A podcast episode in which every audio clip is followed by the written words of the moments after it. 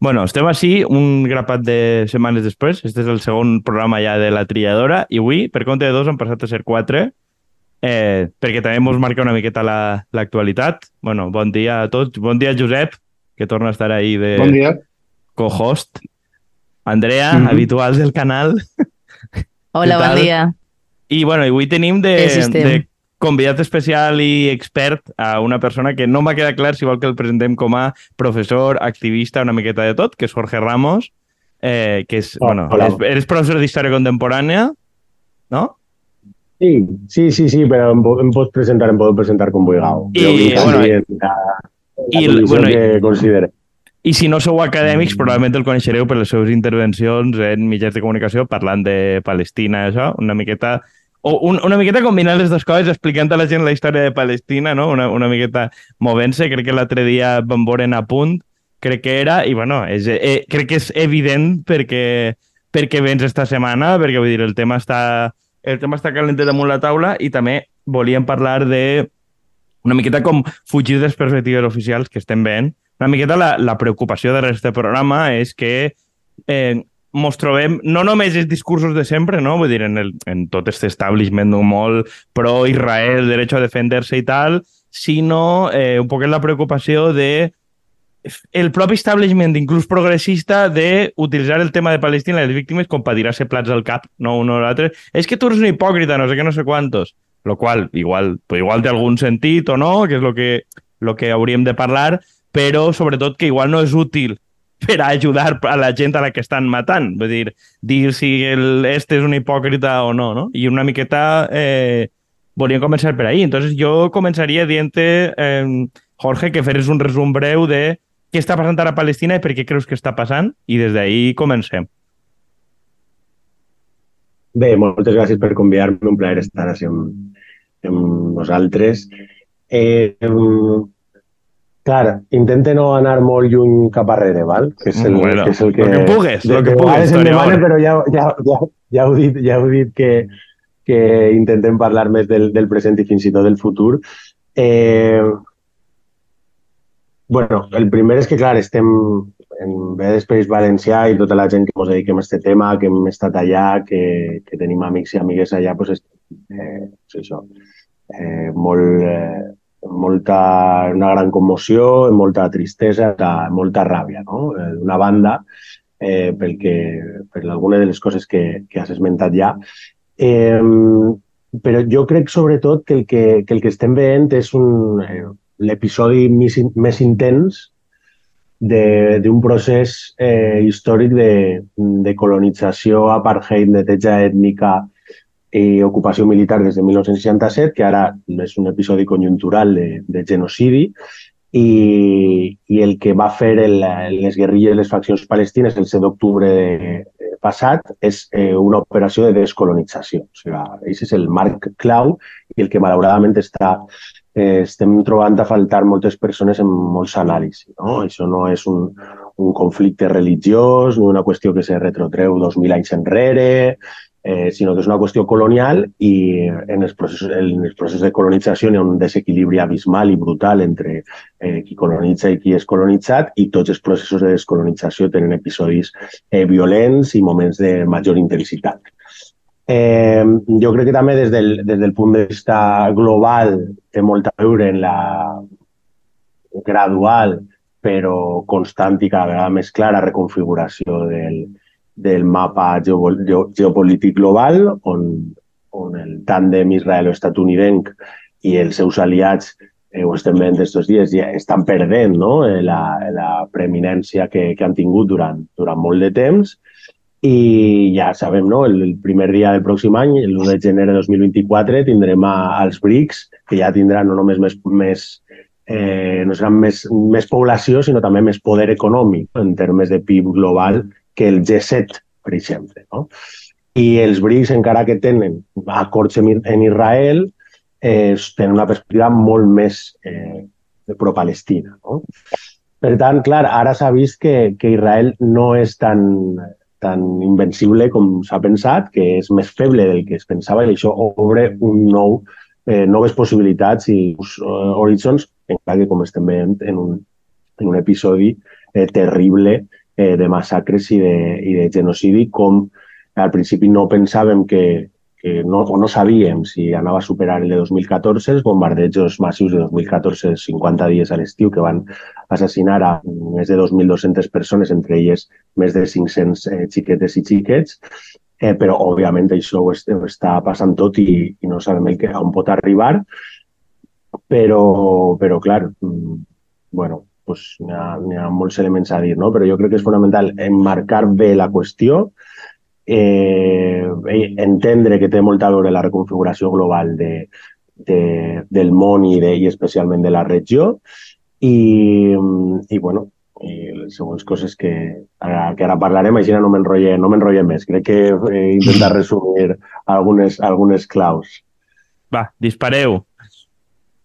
No, i, i vosaltres com ho, com ho esteu vivint, això? No? Perquè a mi eh, em dona un poc la, la doble la doble vessant en el sentit de la gent que hem estat eh, fent activisme per Palestina des de fa molts anys, eh, ja, ja, ja he pensat diverses coses, no? De que, per un costat, tot allò del BDS, la, la intifada cultural i tot això que s'estava promocionant més des de, diguem-ne, des de sectors més oficialistes de, del govern de Palestina o des de sectors més d'esquerres, eh, dius, hòstia, clar, han passat els anys i, i això ha tingut, diguem-ne, un tope. No, no, no, no han pogut trencar aquest eh, mur des d'un punt de vista pacífic, eh, però per l'altre costat, una volta comencen les hostilitats, pues, també veus que, que ha començat tot, aquest tema, pues, també veus que en els jocs on ha hagut una militància i un activisme per a mostrar el que està passant en Palestina, eh, al final els governs i l'opinió pública i els mateixos governs es veuen més arrossegats eh, per, a, per a tindre una altra actitud, encara que pugui ser una actitud com la d'Espanya, que és una, una actitud que dona bastant d'asquet, però eh, evidentment no és la mateixa que, que en Alemanya o que en Estats Units, i no sé com ho vegeu vosaltres, no? de, de, de, perquè evidentment BDS ha sigut també com un, eh, una plataforma d'activisme pacífica i que moltes voltes ha estat atacada de terrorista però eh, com, com, com, quin, quin, quina lectura feu des d'aquest punt de vista després de tots aquests anys, no? Clar, sí, això és molt important i també eh, recordar-ho, o sigui, la immensa majoria de la resistència palestina és una resistència pacífica, no violenta. El tema és que mm, periòdicament només eh, trauen no, als grans mitjans de comunicació eh, els episodis violents. No? Això és fonamental eh, la resistència palestina de fer precisament boicots, per exemple, ve des de l'inici de la colonització sionista, finals del segle XIX principis del segle XX. Eh, manifestacions, peticions autoritats otomanes, britàniques, amb una gran participació femenina, per cert, de dones musulmanes, cristianes, de cap, de cap religió, per trencar no? la imatge també de, de colonial i, i paternalista i masclista de que les dones del tercer món eh, són passives, no? especialment les dones arabo-islàmiques.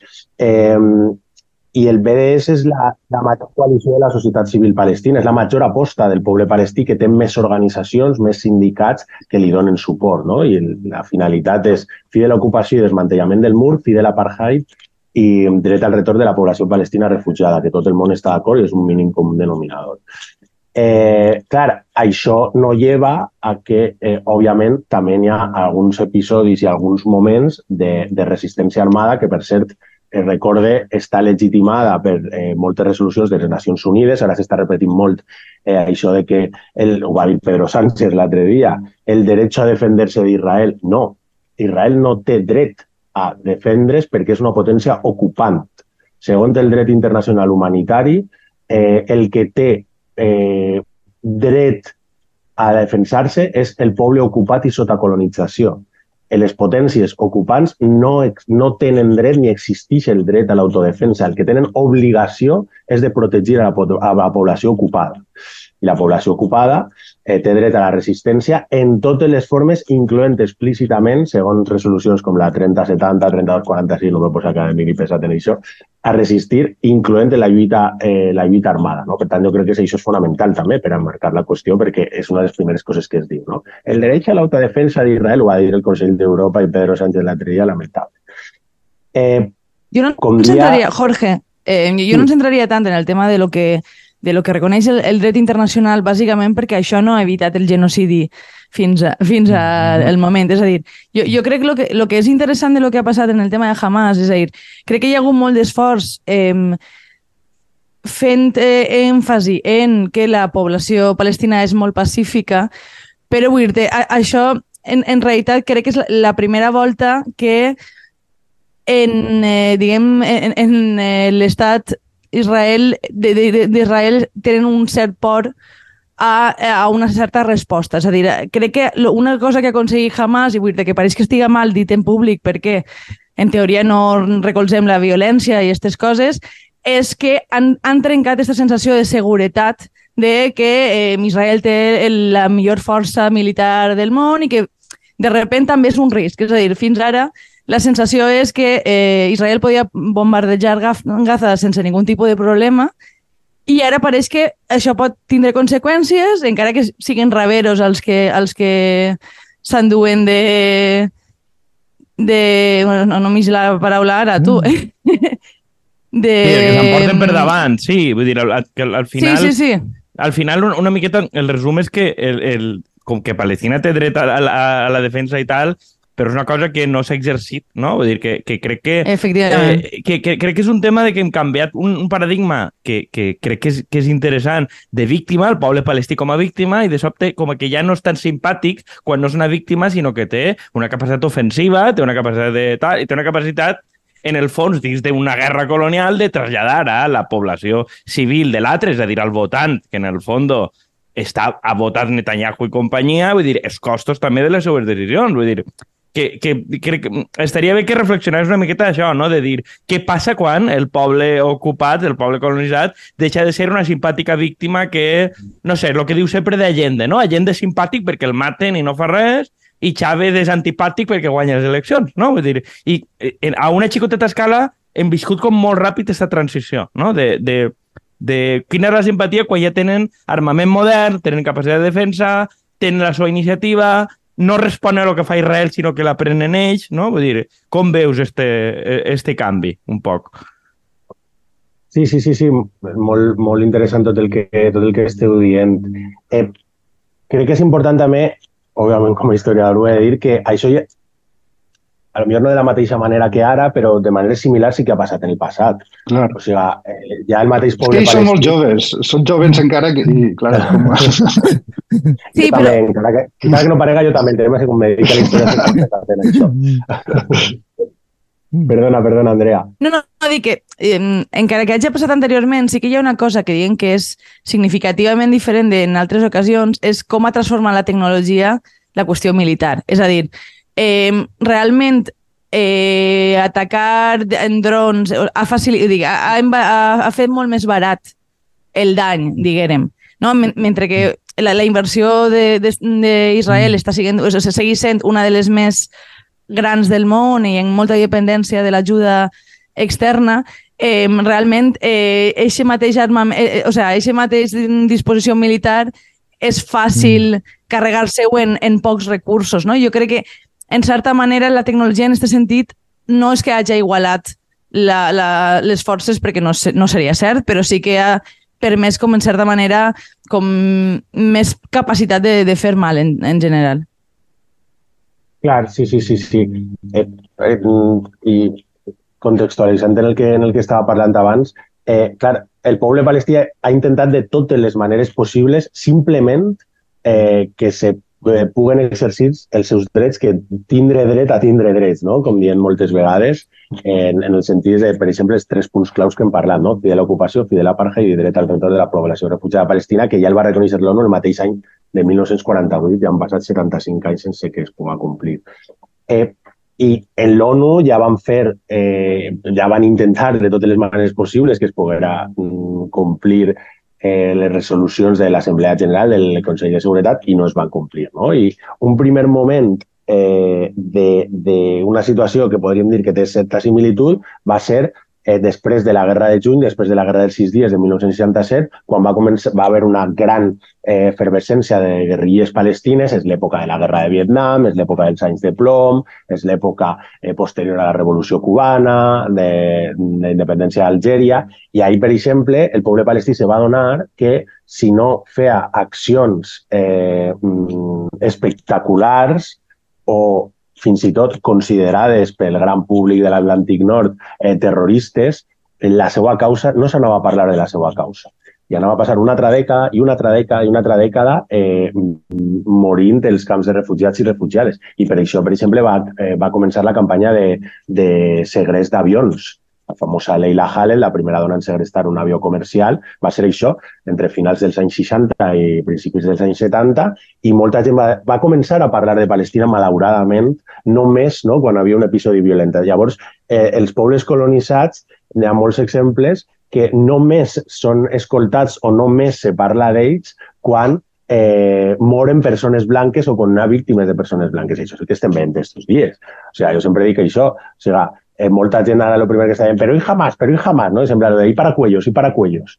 Eh, quan, eh, clar, jo dic, però anem a veure, per exemple, només la dada que estem repetint molts estos dies, o sigui, eh, les tropes i els colons israelians s'han assassinat a més, a més de 2.000 xiquets eh, des de fa anys i ahir mai, si ningú mai ha dit res eh, sobre això, per què ara està tot el món dient i els terroristes què? I jamás què? Per què? Perquè han mort persones blanques està claríssim. Estem veient una situació de racisme i islamofòbia i una complicitat amb, amb l'apartheid israelià extraordinari, però malauradament això s'ha vist moltes vegades ja. No? O sigui, el poble palestí, quan demana que es complisca el dret internacional, no és còmplice, però ha de fer determinades accions o, mm, com ha passat ara, que han mort, com, com dic, persones blanques, eh, per que la gent parle del que, del que, està, del que està passant i pagant un preu eh, molt alt, clar.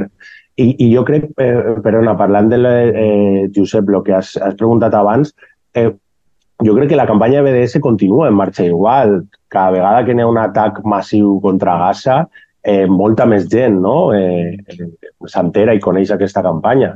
O sigui, eh, la, la campanya més similar que va haver històricament és la del boicot a l'apartheid sud-africà, que es va llançar entre eh, finals dels anys 50 i principis dels anys 60 i va acabar a principis dels 90, quan va acabar l'apartheid a Sud-àfrica, o sigui, més de 30 anys o 30 anys, i el, i el poder internacional que tenia Sud-àfrica és menor en comparat al tàndem israelo-estatunidenc, al pes de l'explotació que fa el sionisme i l'estat d'Israel del, del genocidi nazi, etc etc. Per tant, és una, és una lluita que, que està sent llarga, serà molt llarga, però que, que jo crec que continua sent fonamental, no? encara que, que, que estiguen estos episodis. I, clar, a nosaltres com, com a, com a eh, grup territorial BDS, així el País Valencià, clar, quan hi ha una situació aixina no és fàcil, no? perquè ara tot està dominat per la dialèctica de la violència i, i, i nosaltres, com ens ha demanat el poble palestí, la nostra estratègia és, és no violenta, no? però això no lleva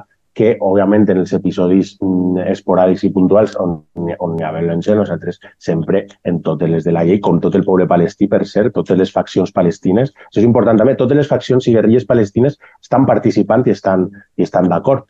O sigui, no és només una qüestió de Hamas, no? Per això hem de desfocalitzar i descentrar la qüestió de Hamas perquè a més comporta un imaginari orientalista, racista, islamòfob eh, brutal, no? Després parlem, si voleu, també perquè Hamas té tant, té tant de suport popular, no? Entre la població, entre la població palestina, que no té, no té quasi res a veure la qüestió de la religió ni el fanatisme religiós, sinó altres coses, no? Eh, però, però jo crec que, que, que això és important, no? tindre en compte que participen totes les, totes les faccions palestines, que n'hi ha hagut una planificació molt important que ha el, el ojo de Sauron, com estàvem parlant ahir precisament eh, eh, després de la concentració, eh, el ojo de Sauron portava un any o dos des del final de la pandèmia molt centrat en Cisjordània, on especialment al nord, en, en les ciutats de Nablus i Jenin, n'hi ha crescut molt la resistència jove, eh, fins i tot en, en van entrar, per exemple, a principis de juliol, no? eh, com no havien entrat des de la segona intifada en el camp de refugiades de Jenin, en bulldozers, en aviació, etc etc. O sigui, ha, estava centrat l'ojo de Sauron molt en Cisjordània i mentrestant també s'estaven preparant no? a Gaza en coordinació, en coordinació externa, encara que, com has dit, Andrea, el, el, el desequilibri no? armamentístic eh, que n'hi ha és brutal, però clar, també hi ha noves formes on, on, on poden des d'un de des gueto com és, com és Gaza, des d'un camp de concentració, pues, eh, pues això, no? eixir d'allà, no? eixir, eixir d'allà. I molta gent va, va plorar perquè van anar per primera vegada en 75 anys a on procedien les seues famílies i van ser eh, expulsades, no? i fins i tot es van quedar a 10 quilòmetres de Cisjordània per primera vegada poder juntar-se. Clar, hi ha hagut molt, moments molt, molt intensos i, i, i fins i tot emotius, no? encara que, òbviament, és, és, és terrible el que està passant. Una, una qüestió de lo que, de lo que dius, i, i crec que és, una miqueta per, per ampliar el foco, és el, el tema de, de ser un estat jueu, no? I, i, i crec que fins a quin punt que s'ha acceptat de que eh, com tenen dret a fer un estat jueu. I és com dir, si tu aquí digueres tinc dret a fer un estat català o no sé quantos i a tirar els castellans a la mar, o no, perquè tinc dret a un estat, vull dir que això que aquí no t'ho compra absolutament ningú. Vull dir que tu feres un estat des d'una lògica religiosa o ètnica. Vull dir, això en cap part del món es compra. És com dir, per molt d'holocaust i tal i qual, vull dir, no, vostè té dret a viure en un estat i, democràtic i ximpum, i si no comprem la lògica per a qualsevol altre estat que tinga dret a fer una neteja ètnica, i crec que és una cosa de, el tema del, de, del dret a Israel a existir, eh, que de quina manera s'enfoca discursivament, perquè crec, on dona la que molt del plantejament sionista o tal va del dret d'Israel a existir, el dret dels jueus a un estat, i no sé com s'aborda, però és com dir, no, les persones tenen dret a viure i a viure democràticament, però no a un estat ètnic. Vull dir, és que, no sé, vull dir, eh, crec que cada volta que enfatitzem que és un estat jueu i tal, diguem, els estem regalant el marc, i crec que una cosa de la que apuntes tu és que és un estat de blancs, per molt que parlen hebreu, uns quantos de blancs europeus o occidentals de cultura, que estan allí, vull dir, no mos ha importat que són jueus, a part de que un 20 o 30% de la població en el propi Israel és, és àrab o, o musulmana o tal, vull dir que ni tan sols és cert no? que, que ho siguen tots, vull dir, però com s'aborda això i com, un poquet com creus que s'ataca?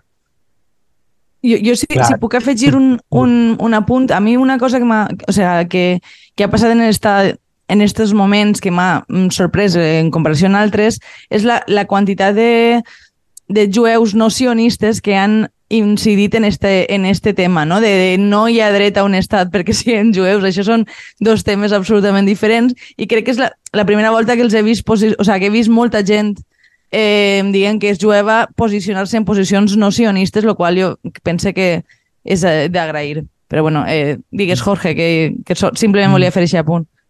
Sí, sí, sí, sí, eh, totalment. De fet, és que eh, això és fonamental entendre-ho. Ni el moviment sionista, quan va sorgir a Europa a finals del segle XIX, ni l'Estat d'Israel, des de 1948, representen el judaïsme ni les comunitats jueves.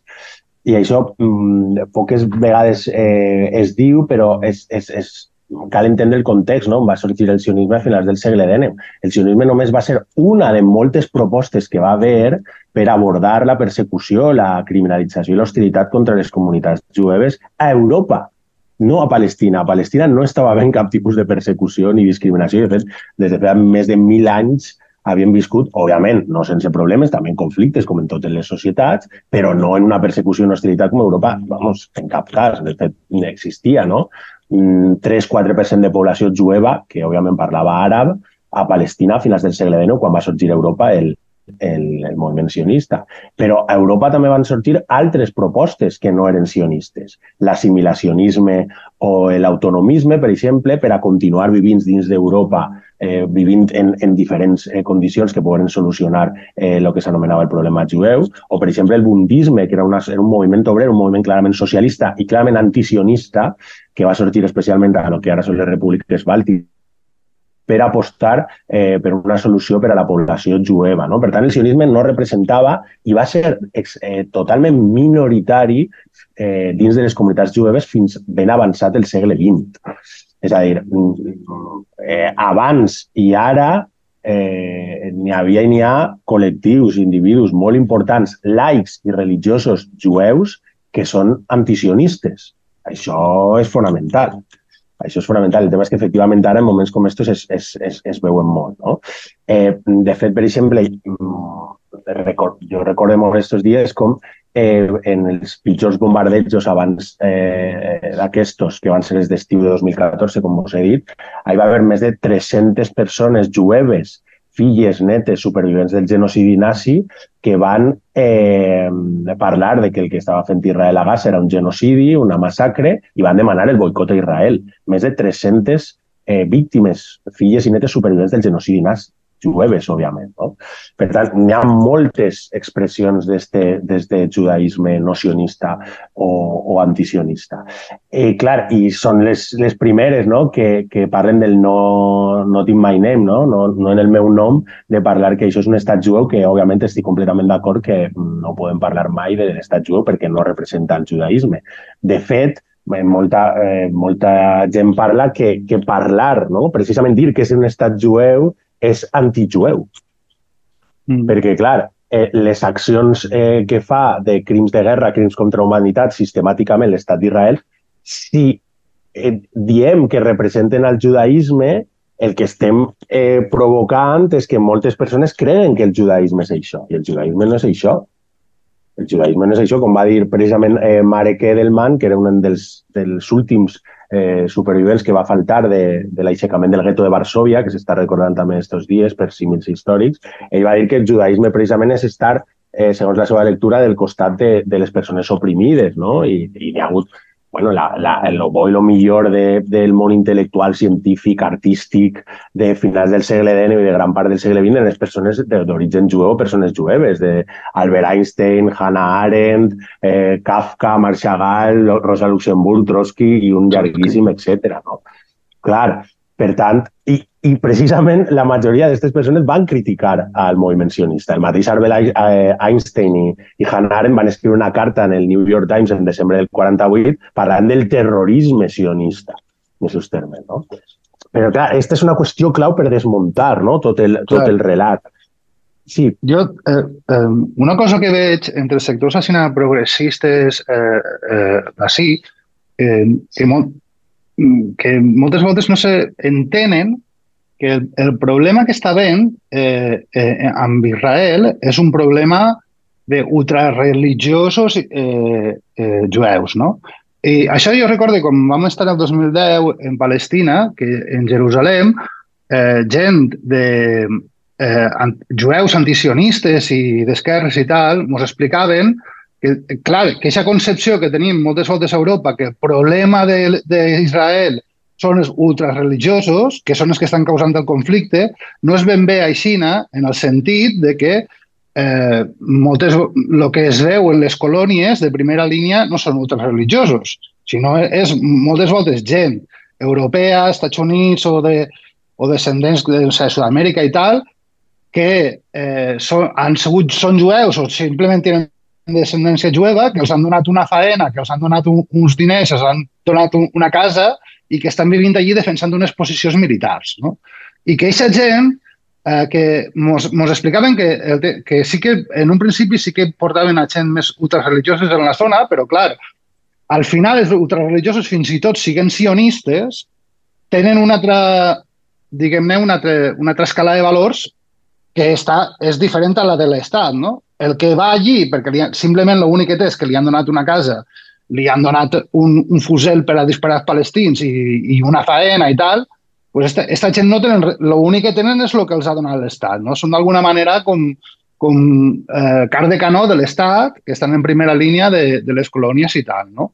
I que el gran problema és un problema de, més de lo que és el sionisme com a eh, representació de les, dels interessos occidentals en la zona, i que, eh, i que de fet la gent que estan allí pues, venen d'aixòs mateixos països occidentals que moltes voltes donen, donen suport a Israel i que en tot cas el, els, els ultrareligiosos són un problema per a l'estat intern, per a l'estat d'Israel, per als problemes que poden tindre i tal, però no són ells realment els que causen el problema amb la població palestina o no ho són només ells o no són el principal problema. Igual sí que ens expliquen que igual, en zones com Jerusalem i tal, pues sí que, sí que potser sí que n'hi ha més de eh, però que és curiós, no? Perquè, clar, evidentment, o sigui, que, que clar, veiem les imatges de la rei i, i, és, i és gent com, com nosaltres, clar, no són, no són ultrareligiosos que estan allí en, en els cabells, en rissos i tal, no? Eh, que també és una altra imatge... I, i posen ahí damunt uns dels altres. I clar, tot. clar. Sí. No? Dius, hòstia, això són com nosaltres, no? Perquè, clar, realment són com una representació de les potències blanques occidentals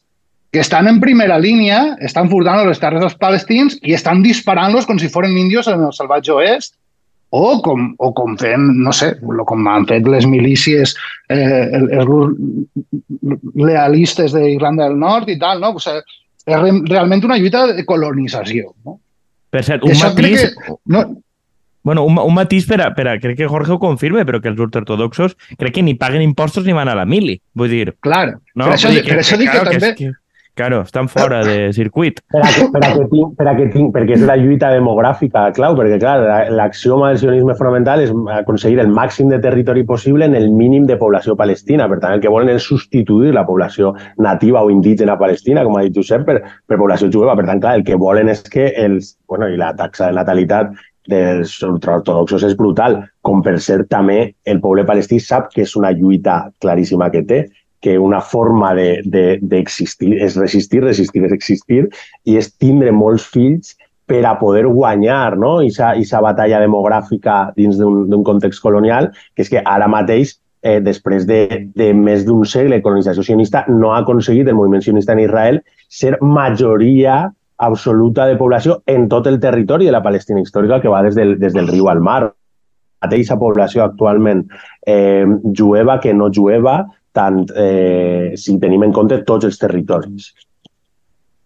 A mi a mi m'agradaria dir dues coses. Una, que en el fons, ui, de lo que esteu descrivint no és re, o sea, res que no sigui qualsevol tipus de lluita colonial barra com funciona una opressió, no? Vull el problema no és que n'hi hagi uns malos malíssims, és com el sistema alimenta que gent de tota classe forme part i, i defensa aquestes coses que poden ser ultres, no? I l'altre és el tema, i, parlant una miqueta d'aquesta idea de resistència a través de la natalitat, també em porta a pensar com la, la porta té un límit freàtic, no? Vull dir que tu al final, si un, un poble com el palestí que porta enfrontant-se a, la, a la mort eh, tots els dies, al final, vull dir, en part també, ahir un veig una... una...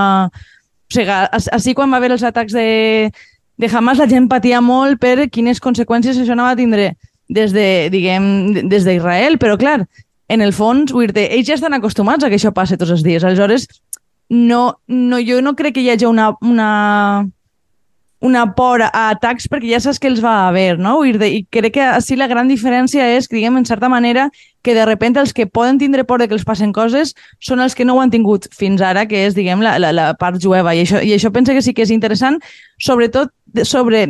Hem parlat molt de, de diguem, quina és la visió que tenim així, però també m'interessa quina és la visió dintre del propi Israel de, de com això pot eh, fer una fractura en el suport que tingui aquest tipus d'accions, no? Perquè de repente ja no és una cosa que no tinga cost cap al, al teu costat, sinó que poden morir dels teus i això ja no fa tanta gràcia, no? Vull dir el, el simple fet de que, que tinguem un estat que té raves en la frontera ja et diu, no, això no ho podem enfocar ja només des del punt de vista moral, de dir, això, esta, esta gent és una puta merda de gent, vull dir, no té ningú tipus d'empatia, però bueno, més enllà d'això, el fet de que, pues, a veure qui fa una, una rave en la frontera la pròxima volta, saps que et poden agafar, pues, no sé, no sé, no sé si se m'està entenent massa bé, però sí. vaja, que la, la, i, a, a, a més això, o sigui, crec que el tema este de la sensació de, de seguretat en la població com pot afectar, o sigui, les pròpies enquestes eh, que s'han vist, no? que el 80% de la població i crec que una gran majoria de, des que són jueus dins d'Israel, que com diem no són tots, eh, pensen que la gestió del govern ha sigut una merda, vull dir, a més, que probablement la coalició més a la dreta en 60 anys, perquè inicialment hi havia com més de socialdemòcrata, no? però pensen que els ha fallat en termes de seguretat, que és el que està construïda la, la coalició d'Israel. No? Entonces, una miqueta, i dir, este canvi, o sea, la, la combinació del que parlàvem abans i el que deia Andrea de la, del tema de la defensa, de eh, la cúpula de ferro, no sé quantos, i tots aquests rotllos que tenen, no pot protegir la població civil, efectivament. O sigui, pensant en el votant, no? des del punt de vista més, pensant més politològicament, el votant ni el seu govern és capaç de protegir-lo, ni el servei d'intel·ligència, ni l'exèrcit és capaç de protegir-lo. Aleshores, clar, eh, d'alguna manera això obliga, o, dir, o més militarització, però, claro, té, té un problema de credibilitat, vull dir, això ja ho han fet, i per tant, eh, eh, és una miqueta si tu veus que n'hi ha possibilitat d'esquerdes, no?, dins la, dins la coalició, i, i vist des de fora el que dia el diari Haaretz, este, que és el majoritari d'allí, bueno, el més liberal, però com el més venut o, o el que siga en Israel, tal com a que n'hi ha hagut certes veus discordants de, per ahir, precisament perquè el paradigma militar és, està fallant, no? Com, com veus aquesta evolució? Jo, Clar. jo volia afegir això tenint en compte també, vull dir que mm, el, el suport de- d'Estats Units, que no, no està posat en, en, en dubte, però que ara mateix no tenen la capacitat d'aprovar un increment de recursos per enviar-los. Vull dir que això també fa molt, és dir, crec, crec que ja hi havia aquesta confiança de sempre ens van a donar pasta en qualsevol moment i ara mateix no tenen aquests diners per enviar-los. Ni l'armament perquè està a Ucrània, Clar, sí, no? sí. Per contextualitzar. O sea, que també saben quan han atacat els palestins, que no són tontos. N'hi ha que dir-ho, saps? Sí, en, en aquest sentit moltes vegades eh, s'ha dit que, que Israel, eh, en comptes de ser un estat en exèrcit, és un exèrcit en estat. No? Moltes vegades s'ha dit, del, bueno, com tot projecte, tot projecte colonial es construeix a partir de la, de, del, del militarisme no? i de les armes i, i per això també tota població israeliana de més de 18 anys és militar, no és civil perquè fan eh, tres anys els homes la mili, el servei militar obligatori, i dos anys les dones. Per tant, estan en la reserva, per tant, són població militar. Això és important. Eh, després, clar, això és fonamental també entendre, i ho diem molt, per això el, la causa palestina és també la, la causa de la humanitat, no? com deia l'escriptor palestí Hassan Kanafani, perquè eh, si això no ha acabat 75 anys després, eh, és una qüestió molt complexa i són molts motius, però un motiu central és perquè els cossos i territoris palestins són, són un camp de proves, un laboratori de proves de la indústria armamentística i tecnològica mundial. Això és fonamental. Ara n'hi ha moltíssimes empreses d'armes, moltíssimes empreses militars que s'estan forrant eh, perquè estan comprovant, està comprovant en temps real que les seues armes i els seus avions i els seus míssils funcionen. I això n'hi ha pocs llocs en el món on histò- històricament quan, hagin, quan hagin volgut han pogut no? eh, comprovar això. Eh, n'hi ha fins i tot en anglès no? Un, una fórmula, un eslògan que és testing combat, no? comprovat en combat, que és el que venen les empreses israelianes i o les que compra l'exèrcit israelià i això, per això pugen en borsa ara d'una manera estratosfèrica i, i se forren el que està passant. No? Un xicotet Després, parèntesi, és que- el, el Pegasus este que van espiar a, a polítics aquí Home, no, és software home, no. israelià. Vull dir que proven, Ah, ho proven també, provat en palestin segur, no? Ah, ya anava, claro. O sea, el, el, el, és, és el país del món amb més eh, exportació armamentística per càpita i exportació de tecnologia. O sea, si això no acaba en gran mesura és perquè hi ha un, un, un ventall d'interessos capitalistes gegants en indústria, en algunes de les indústries més poderoses del món, que són les indústries armamentístiques i tecnològiques. I clar, després es porten i venen, Israel considera Pegasus una arma, per tant només li ho ven a, a governs amics.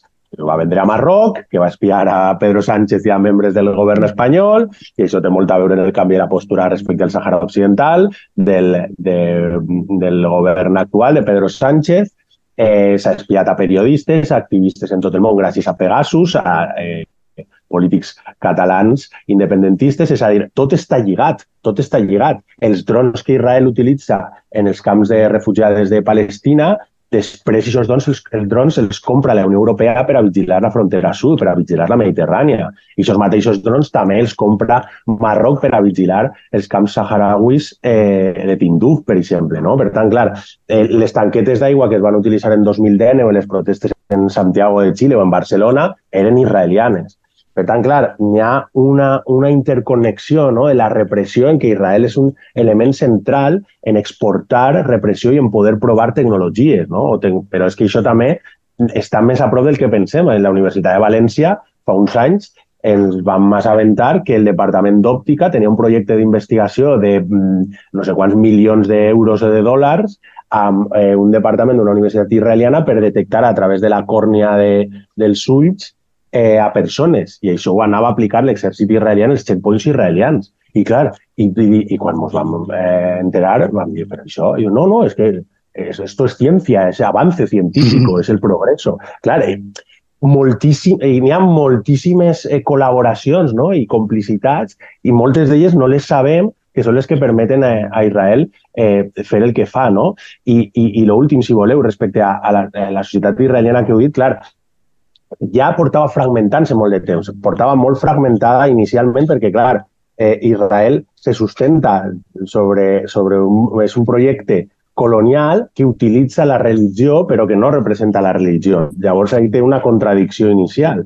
Eh, moltes vegades diem que, que la majoria dels sionistes, almenys dels, dels històrics, no, no creien en Déu, però sí que creien o dient que Déu els havia donat la terra, no? que són la ter el poble elegit en la terra promesa. O sigui, s'utilitza la religió com a element legitimador brutal. Però, clar, han hagut de concedir a, a grups religiosos un poder molt gran i això fractura durant molt de temps, és una qüestió estructural, la societat jueva israeliana, no? el poder que tenen els ortodoxos, com dient, etc.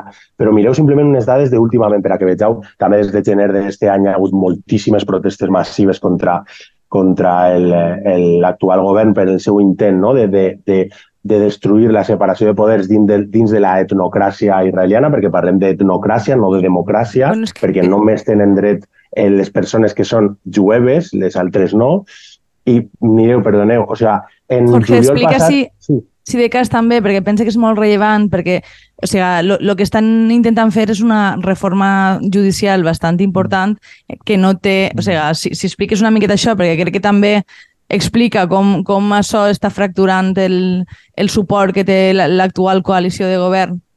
Sí, a veure, Sí, el, el, clar. el context general una miqueta, no? que al final el que sempre s'ha dit, no? que un estat colonial sempre acaba duent a la seva pròpia població el que aplica sobre la població colonitzada, vull dir, no? De lo que diuen sempre de, Clar. del feixisme i tal, vull dir que Israel està vivint ja això, no? Un poc. Sí, L'efecte boomerang, no? Parlem moltes vegades. Eh, clar, el, el, bàsicament el que, eh, el que vol fer és, és que l'executiu tinga un poder molt més gran que el que té i, per tant, destruir la, la, la separació de poders que pot existir entre els tres poders clàssics liberals d'executiu, legislatiu i judicial. No? Però això és vist també per, per els sectors eh, que estan més en contra de Netanyahu, eh, més centristes o que podríem dir d'esquerres, però sempre sionistes, eh, bueno, com, un, com un assalt no? a molts, moltes institucions de l'Estat i una apropiació a moltes institucions de l'Estat per part de, dels partits eh, que, que formen part de la coalició, coalició actual de Netanyahu. No? Però és curiós no? que en, ixes, en totes aquestes protestes massives la qüestió palestina eh, quasi sempre s'ha eludit i hi ha hagut molta, molta poca gent que portava una bandera palestina o que volia portar això. No? És una qüestió de la pròpia etnocràcia no? israeliana, deixant fora, segregant, com fa un sistema d'apartheid, segregant també les peticions polítiques i, de represent... i, i, les, i, les, i de la representació política a la població palestina. Però fixeu-vos, en, en juliol passat va haver una enquesta del Canal 12 ja i en juliol passat el 67% de la societat israeliana pensava que podia haver una guerra civil. El 67% en juliol passat. Eh, en, en Israel és un, un dels llocs del món on més eh, consum n'hi ha per càpita d'opiacis. Val? On més consum n'hi ha per càpita d'opiacis. I a l'exèrcit israelià és un dels exèrcits del món també eh, on més suïcidis n'hi ha, sinó el que més. On més se suïciden per tot el que han de fer, per tot el que han de veure, per totes les ordres que, que han d'obeir. No?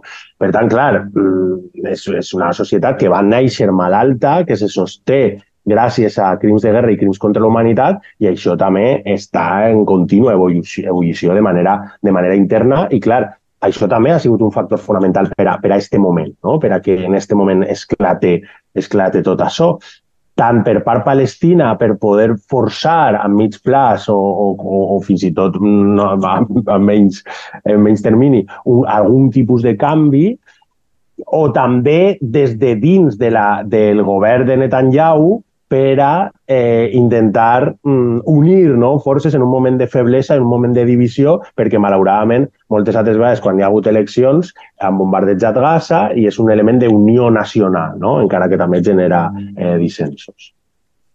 A, a banda n'hi ha un element, uh, bueno, uh, si, si volies dir alguna cosa tu, Josep, però que eh, com a qualsevol altra societat també estan immersa en, un, en una crisi d'habitatge i de cost de la vida molt alt, en la qual encara fa més difícil justificar el, un, tindre un conflicte armat enquistat que damunt et posa en situació de feblesa en els teus eh, en els països del voltant i que, i que, i que es gaste eh, la, la pasta que es gaste en, en, en, en armament i en mantindre la, la, la frontera. Vull dir, crec, crec que això, cada, o sea, cada dia que passa és una cosa que va minant la, la pròpia legitimitat del govern. Sí, jo simplement... És a dir, no és una pregunta, és una reflexió. No? Oh, molt bé, Eh, Josep, perquè ahí. ja, ja, ho par... sí, ja heu parlat d'això, no? però sí que mirant les imatges de, de, de Tel Aviv no? de com quan arriben els coets eh, des de Gaza, eh, clar, evidentment la, la diferència és brutal, o sea, no, no es pot comparar el que està passant en Tel Aviv i el que està passant en Gaza, no? no però, clar, el, els vídeos és, és una vida molt inquietant i molt difícil de viure, estar tota la vida mirant al cel i que la cúpula de ferro no falli, no? Perquè Vull dir, eh, és la vida que, tu, que ells volen per a ells, per als seus fills, per als seus nets, volen estar tota la vida a Sina? Realment eh, pensen que la superioritat militar i tecnològica sempre serà així, quan realment han vist ara que han fallat, no?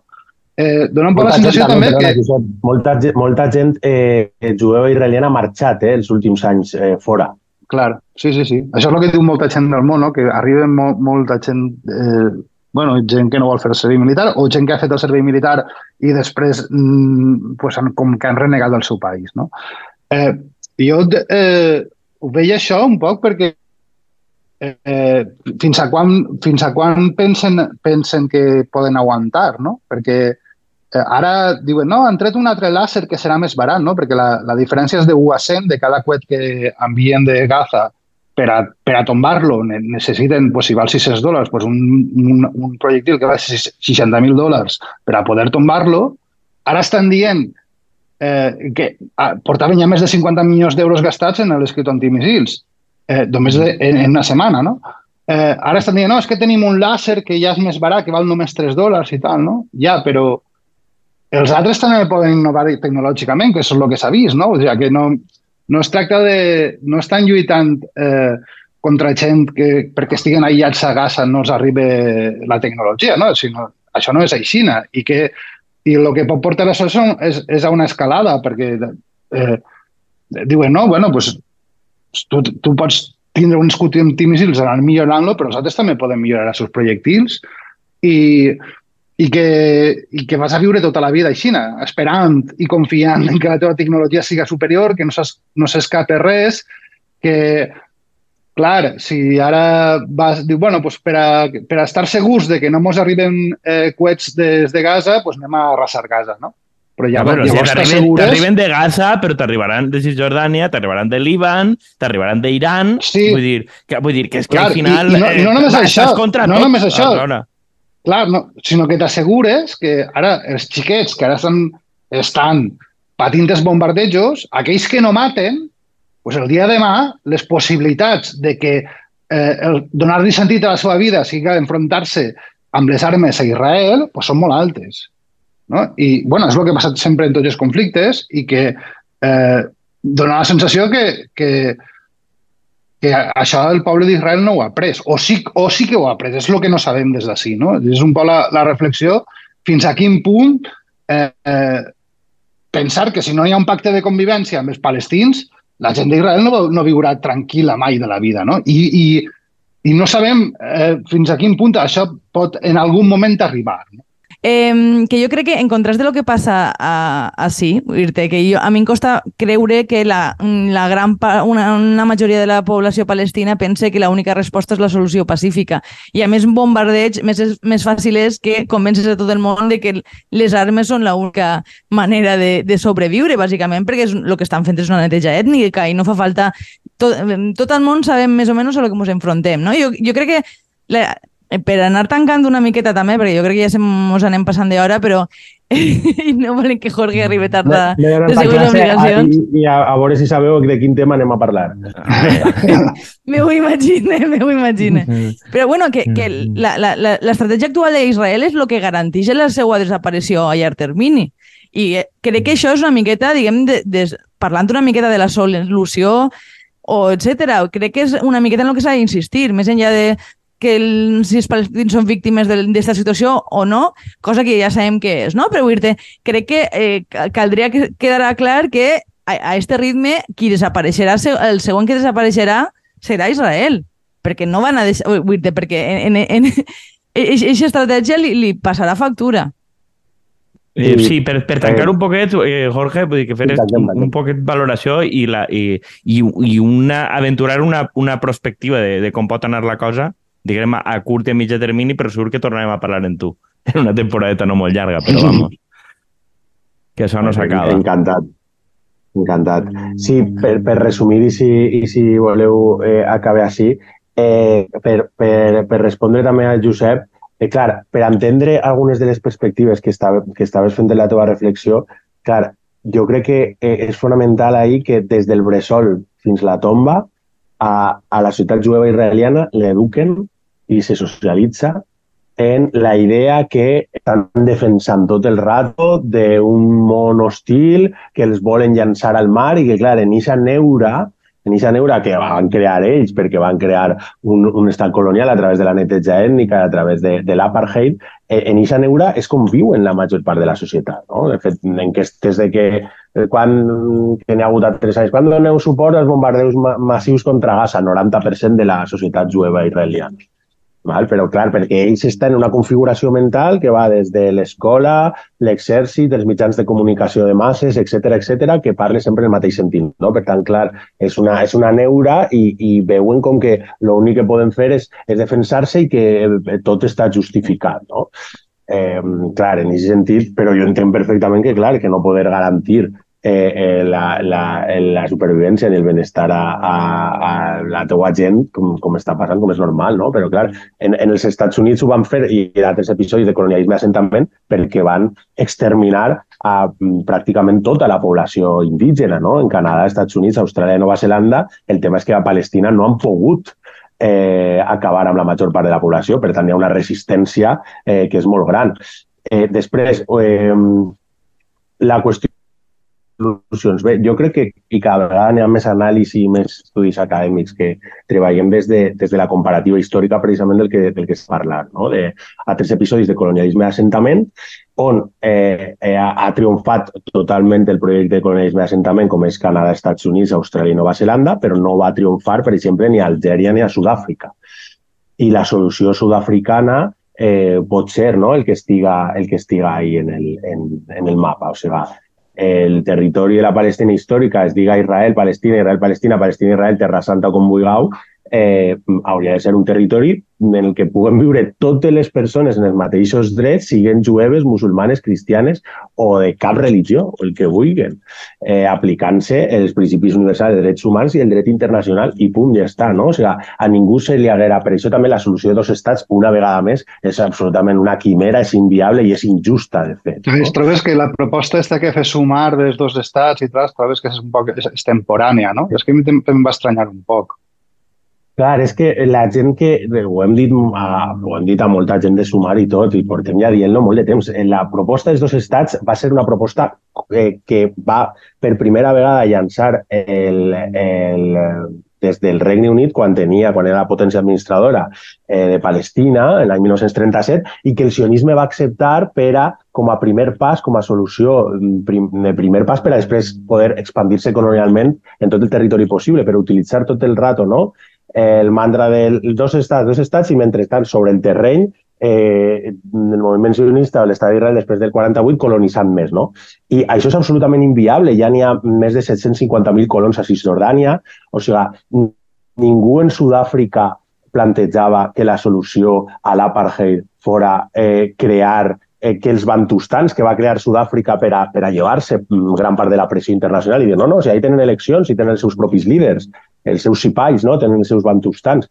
Clar, Nelson Mandela va dir, quan estava en la, en la presó de Robben Island, i van dir, no, vols anar tu al Bantustan? I va dir, no, jo no vull anar d'una presó a una altra. Vull que deixen existir les presons pel color de pell i deixi d'existir l'apartheid. Això igual, no? O sigui, no pot haver un estat de Bantustans o de megapresons, ni pot haver ni existirà mai. Per tant, l'única solució és la solució d'un estat on totes les persones tinguin els mateixos drets. Però, clar, per això fa falta una pressió internacional molt forta i una desionistització d'Israel per a que entenguen des d'aquest punt de vista també, que el futur de, de, de la seva família, de les seves persones eh, estimades, està només, i, i arribarà algun dia, espero i crec, però arribarà algun dia, amb moltes dificultats, com estaven també a Sud-àfrica. En Sud-àfrica ja no existeix l'apartheid jurídic legal, però sí que existeix social i, i econòmic, per exemple, i, i, serà, i serà, serà difícil, però és que ningú en, en Sud-àfrica va dir no, vinga, ara en el 13% del territori original de Sud-àfrica és on han de viure les persones no blanques.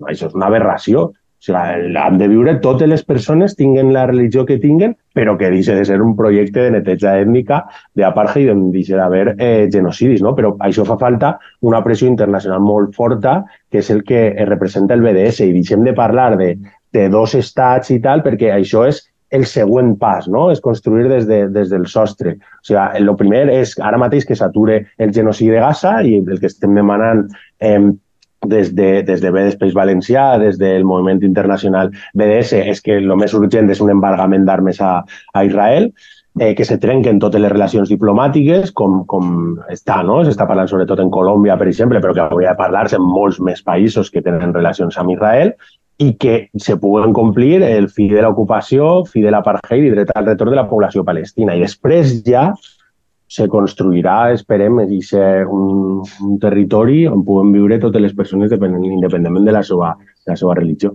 Vale, pues per acomiadar el programa, una, una cosa que vam dir per davant del el programa és que al final, i, i, i com a provocació un poc, no? que Israel hauria de pagar o es gastaran diners en armament o pagant la seguretat social als palestins, que és el que, que, és lo que demanem en el fons. Però vull dir, però que al final n'hi ha uns blancs en la zona que són rics, n'hi ha unes persones no blanques que són els pobres i els blancs no només van a tindre que deixar votar, sinó que van a tindre que pagar la factura, no? Vull dir, el tema és passar de, de gastar armament a gastar en, en hospitals, en col·les i tal, que estan destruint ara. Pues els haurà de reconstruir i, i, i el que hem de demanar és que els paguen ells, no? Ja no parlem de jueu i tal, de no, no, pagueu. I, i ja està bé, no? Un poc. I no sé, moltes gràcies, Jorge, per, per vindre i per il·lustrar-nos i segur que ens tornarem a veure.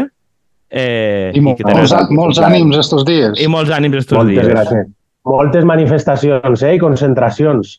Eh, tenim a Castelló, eh, hem tingut a Burjassot, a València, eh, a Potries també n'hi ha hagut, a Alacant, a Elx, així que, que vos convide a que ho pugueu difondre, assistir i, i moltes vale. gràcies novament. Ahí no? contribuirem el que podrem. Grans. Vale. Moltes gràcies, Jorge. Moltes gràcies, Josep. Quant. I Andrea. I ens tornem sí, a veure pronte. Vinga, adeu. Salut, abraçades, cuideu-vos. Adéu.